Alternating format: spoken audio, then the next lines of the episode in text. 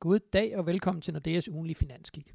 Mit navn er Jan Størp, og med mig i studiet i dag har jeg fornøjelse at byde velkommen til min kollega Andreas Steno. Velkommen til, Andreas. Tak skal du have, Jan. Andreas, der er jo sket rigtig meget her den seneste uges tid. Der har bestemt ikke været feriestemning på de finansielle markeder, og jeg tænker, at den største udfordring for os to i dag, det bliver næsten at, at prøve at begrænse os. Men øhm, lad os starte med den seneste begivenhed. Øh, nyt frontalangreb for Donald Trump i, i handelskrigen. Hvad, hvad er det, der sker?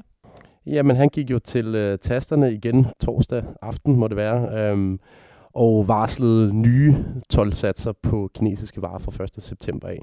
Så det vil sige, at der var stadig 300 milliarder øh, af kinesiske varer, som der ikke var blevet sat 12 på, og dem øh, varsler han nu 10% 12 på per 1. september. Og det er jo en reeskalering, vil jeg kalde det, af handelskrigen. Vi har ellers haft sådan lidt stillstand eller våbenhvile siden, at Trump og Xi Jinping de mødtes i Osaka før sommeren. Og vi har ikke hørt så meget til, hvad der skulle ske fra, øh, fra forhandlingerne.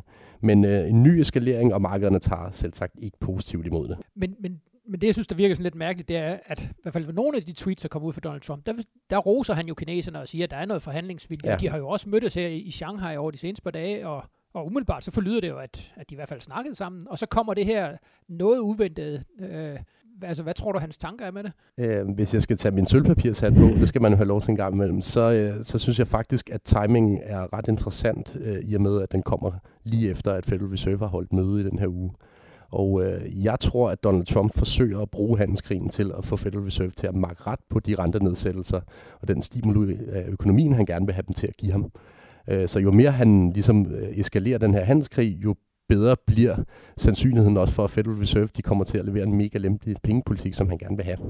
Øh, så det kunne være en grund til, at det sker netop nu. Og man kan sige, det har i hvert fald virket, i hvert fald hvis du kigger på, på reaktionen på de finansielle ja, markeder. Det var nogle voldsomme dyk, vi så i de amerikanske renter, og nu er der vel fuldt ud indpriset en, en rentenedsættelse allerede i september ja. igen.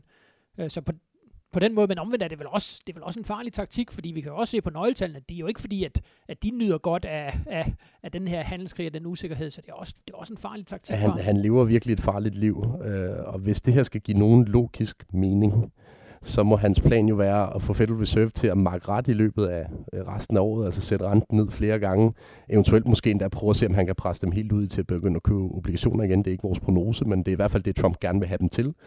Og så kan man forestille sig, at han i 2020 prøver at underskrive et handelsdokument med kineserne, og så få økonomien til ligesom at blomstre igen med lave renter og en handelsaftale. Ja, det kan være det, der er hans plan. Ja, fordi det er vel stadigvæk det, der er hans sådan, rimelig hårde deadline. Det her med, at han skal, han, han skal genvælges i 2020, ja. og han skal også nå at kunne føre en valgkamp i 2020. Og jeg har også set... Øh, og det har han også selv nævnt på Twitter, det her med, at kineserne skal ikke, skal ikke tro, at de bare kan trække det her langdrag, og så vente på, at der kommer en ny amerikansk præsident. Så han er jo meget opmærksom på det her. Så kan det være, at, at nu tager han alle dårligdommene, prøver, som du siger, at, at presse renten ned, og så, så får vi en løsning måske i slutningen af året, måske i starten af 2020. Ja, det er i hvert fald det, der giver logisk mening, ja. øh, fordi der er en ting, der er sikkert, det er, at man bliver ikke genvalgt som amerikansk præsident, hvis økonomien ligger i ruiner. Altså, det er nærmest umuligt at blive. Så han, det er han godt klar over, og derfor så skal der en løsning på bordet, inden at amerikanerne skal til stemmeurnerne i slutningen af 2020. Men hvis vi lige vender amerikansk økonomi sådan helt overordnet, hvordan, hvordan ser det så ud? at begynder de at mærke konsekvenserne? Stille og roligt, men jeg vil faktisk ikke sige, at det ser så skidt ud endnu. Øh, fremstillingssektoren, øh, som i øvrigt er et globalt fænomen, den har vist svaghedstegn. Øh, men stadigvæk, hvis vi kigger på den amerikanske forbruger, ser det fornuftigt nok ud. Øh, så ja, der er tegn på en nedgang i aktivitet, men det er ikke alarmerende. Nej. Og hvis han så kan få de her øh, lavere renter, så, så vil det selvfølgelig være med til at, at stimulere økonomien ja. yderligere. Og bare lige for, for at tage en dansk vinkel på, på de her kraftige rentefald, vi har set.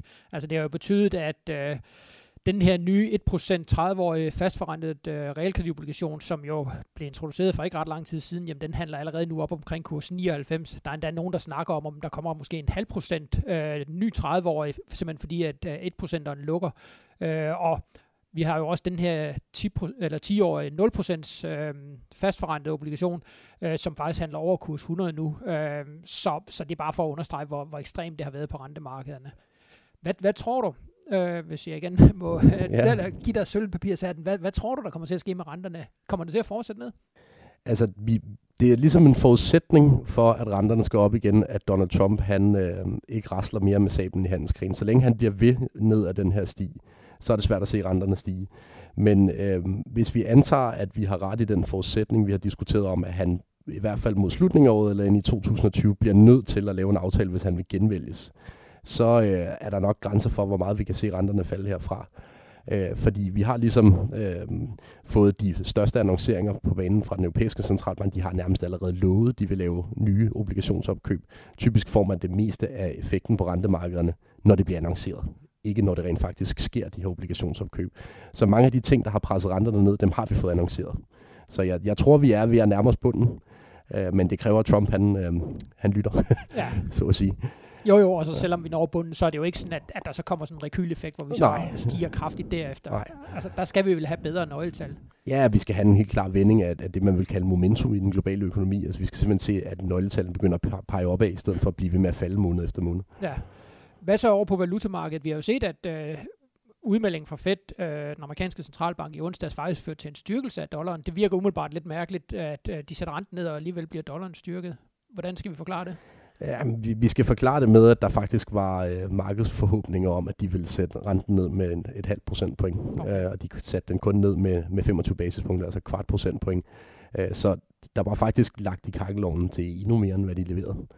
Øh, og øh, man må bare sige, at Federal Reserve de kæmper en hård kamp øh, i, i forhold til øh, at få svækket dollaren, fordi det, det tror jeg egentlig nok sådan indirekte ikke. De, de, de vil ikke have noget imod, at dollaren bliver svagere i hvert fald, i forhold til at få deres inflation presset op osv.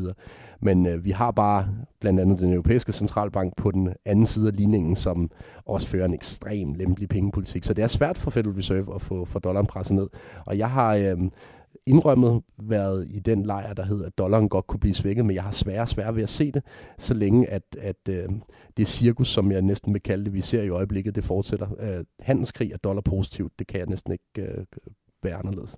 Nej, bare lige for at sætte tal på, altså øh, dollaren, den, den koster omkring 6,75 målt over for danske kroner. Ja, så det er de højeste niveauer i år, ikke? Ja, jo, jo, lige præcis. Ja. Altså, det, er, det er noget meget, men, men du tror ikke på, at den vender rundt og ligesom bliver svækket kraftigt herfra? Jeg tror stadigvæk, der er lidt, øh, der er lidt tid øh, til, at det begynder at ske. Øh, vi skal simpelthen have en, ligesom vi skal have øh, en vending i verdensøkonomien for at få renterne op, så skal vi typisk også have en vending i verdensøkonomien for at få dollaren svækket.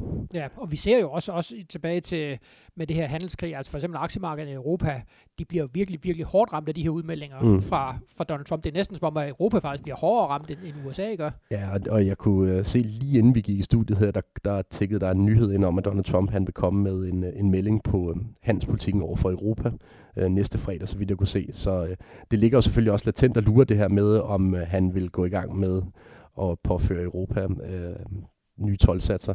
Forløbig er det jo blevet ved snakken, men den har været varslet mange gange, at den her dialog skulle tages op.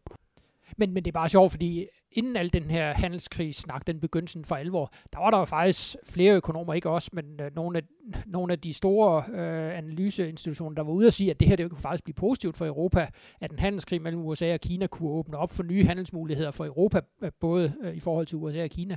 Men igen, altså, det er jo næsten som om Europa faktisk er dem, der bliver aller, aller hårdest ramt af det her. Ja, og hvis man sådan kigger på de her PMI-tal, som vi følger måned efter måned, erhvervstillidstallene, så ligner det jo faktisk til Tyskland, det er gået aller værst ud over det her. Ja. Øh, så ja, øh, der, der, der må man sige, at de forventninger er blevet gjort til skamme forløb i USA, har faktisk været den relative vinder. Der er jo ikke nogen vinder af det her, men den relative vinder er nok USA forløbig.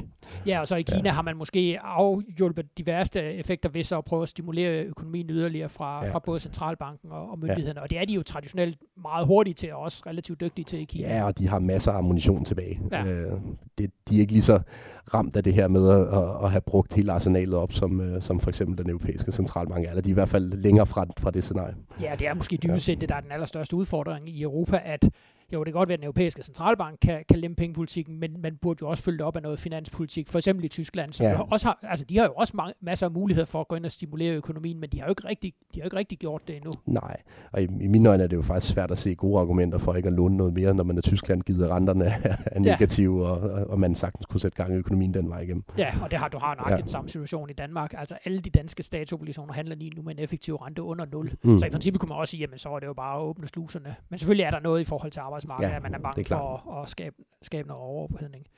Øh, jeg vil også lige vende situationen i Storbritannien. Sidste weekend, der blev Boris Johnson jo officielt udnævnt som ny ja. premierminister. Det har, det har gået hårdt ud over det britiske pund. Ja, øh, jeg så en, en karikaturtegning af Boris Johnson, hvor der står, pundene rasler af mig. Øh, og det må man jo sige, at det har gjort, siden han er blevet udnævnt, fordi uh, pundet har fået stryg. Ja. Vi er gået fra, jeg tror, 8,80 uh, i, i dansk regning til 8,15 ja. sådan cirka i dag. Og øh, meget af skylden bag det, det ligger jo i, at Don, øh, hvad hedder det, undskyld, nu kalder jeg ham Donald Trump, det var en, øh, måske et freudiansk slip, men øh, at Boris Johnson han er gået meget hårdt til, øh, til EU i retorikken, efter han er blevet øh, valgt som ny konservativ formand. Og det igen har ligesom har startet historien om, om Storbritannien kunne finde på at forlade Europa uden en aftale. Øhm, jeg vil sige, at det man helt klart skal holde øje med i Storbritannien, det er, om vi får en tidligt nyvalg. Fordi Boris Johnson kan ikke øh, trække Storbritannien ud af EU uden en aftale med den nuværende parlamentariske sammensætning, fordi det har parlamentet gang efter gang stemt imod. Øh, så hvis han virkelig har det ønske, så bliver han nødt til at, tage et nyvalg først. Ja, og måske endda vil parlamentet endda tvinge ham til at tage et nyvalg. Ja, bare undskyld, ja. jeg bare lige sige, men der er jo de her konspirationsteorier om, hvad det han vil sende parlamentet på ferie, ja. eller, øh, eller der, er jo, der er jo dem her, men, men det har ja, man ikke. parlamentet er jo på ferie indtil den 3. september lige nu. Ja. Øhm, så, så i bund og grund skal vi faktisk ikke forvente, at der sker noget på det der nyvalgsfront før øh, en gang i starten af september, hvis det endelig er. Men jeg vil sige, at dag efter dag ser det ud som om, at Boris Johnsons incitamenter til eventuelt at tage det her nye valg, de stiger. Fordi at øh, han har saftsus med fået medvind i meningsmålingerne lige pludselig. Øh, jeg tror, de konservative er gået fra at ligge på cirka 20 procent til op mod 35 procent øh, i de seneste målinger her, de sidste par dage. Så lige pludselig er det her massive konservative flertal tilbage. Ja. Øh, og jeg er med på, at hans forgænger Theresa May forsøgte med, en, med et hurtigt valg for at styrke sit mandat i Brexit-forhandlingerne og virkelig brændte nallerne på det. Øh, men hun førte også en nærmest historisk dårlig valgkamp, så man, jeg vil ikke afvise, at han kunne finde på det her. Altså man skal bestemt ikke øh, øh afvise det scenarie. Men nogen, der jo virkelig sidder og river sig i håret over, over hele den politiske situation, det er Bank of England, de havde møde den her uge, og der var det jo tydeligt på dem, at de var virkelig frustrerede over den her situation. De de ved ikke, hvad de skal gøre i forhold Nej, til pengepolitikken. I bund og grund så kommunikerer de jo bare, at de bliver nødt til at afvente, at der er nogen, der ja. bliver voksne i parlamentet. Altså det er sådan, så, så simpelt er det. Ja, ja. men de vil alligevel heller ikke, heller ikke gå ud og sige, hvis det nu bliver et hårdt Brexit, hvad vil de så rent faktisk gøre med pengepolitikken? Nej, de lover intet. Nej. Ja. Øhm, men indtil videre må vi bare konstatere, at det, det går voldsomt ud over pundet, og også som du siger, hver eneste dag, der går, jamen et eller andet sted bliver det jo også værre og værre for, for den økonomiske situation i Storbritannien, og det er selvfølgelig også noget, som, øh, som rammer de danske virksomheder. Ja. Altså hvis jeg skal sige, hvor jeg tror, pundet øh, handler hen om tre måneder, så tror jeg, det bliver endnu mere negativt end i dag. Øh, jeg har svært ved at se, hvordan situationen er løst inden den 31. oktober i hvert fald. Og så længe der er den her usikkerhed, så vil markedsdeltagerne ikke eje pundet. Altså det, det, det er en ret simpel situation i virkeligheden. Så det er jo, det er jo bestemt ikke gode nyheder for, for danske virksomheder og, og for dansk landbrug i, i særdeleshed. Nå, tiden løber, Andreas. Vi må stille og roligt til at runde af. Lige et hurtigt kig på næste uge. Det bliver en relativt stille uge på, på nøgletalsfronten. Øh, nogle ISM-tal fra USA for servicesektoren er vel det vigtigste. Ja, og det, og det er det, fordi at øh, den amerikanske centralbank ret klart kommunikerede, at de egentlig ser, at den amerikanske økonomi stadigvæk er en fornuftig forfatning, selvom de satte renten ned her i sidste uge. Øh, så det helt store slagsmål, vil jeg sige, der står pt. mellem øh, de finansielle markeder og den amerikanske centralbank, det er jo hvorvidt, at der er en reel recessionsrisiko i den amerikanske økonomi. Og det virker ikke til, at den amerikanske centralbank tror, der er det. Øh, de kommunikerer stadigvæk, at de tror, vi er i midten af en, af en optur. Øh, og det her er mere sådan en justering, der skal hjælpe økonomien til at holde sig på fod. Så derfor er de her erhvervstillidstal så ekstremt vigtige for USA øh, de kommende måneder. Meget vigtigere end, end jobrapporter og, og lignende, fordi det er et vækstspørgsmål, der gør, at den amerikanske centralbank skal sætte renten mere ned nu. Okay, så det, og det, det er mandag efter det med, ja. vi får de her tal. Super. Jamen, øh, jeg vil sige tak for, tak for nu, Andreas. Selv tak. Og tak, fordi I lyttede med, og det håber vi selvfølgelig også, at I gør i næste uge, hvor vi kommer med en ny udgave af vores finanskig. Tak for nu. thank you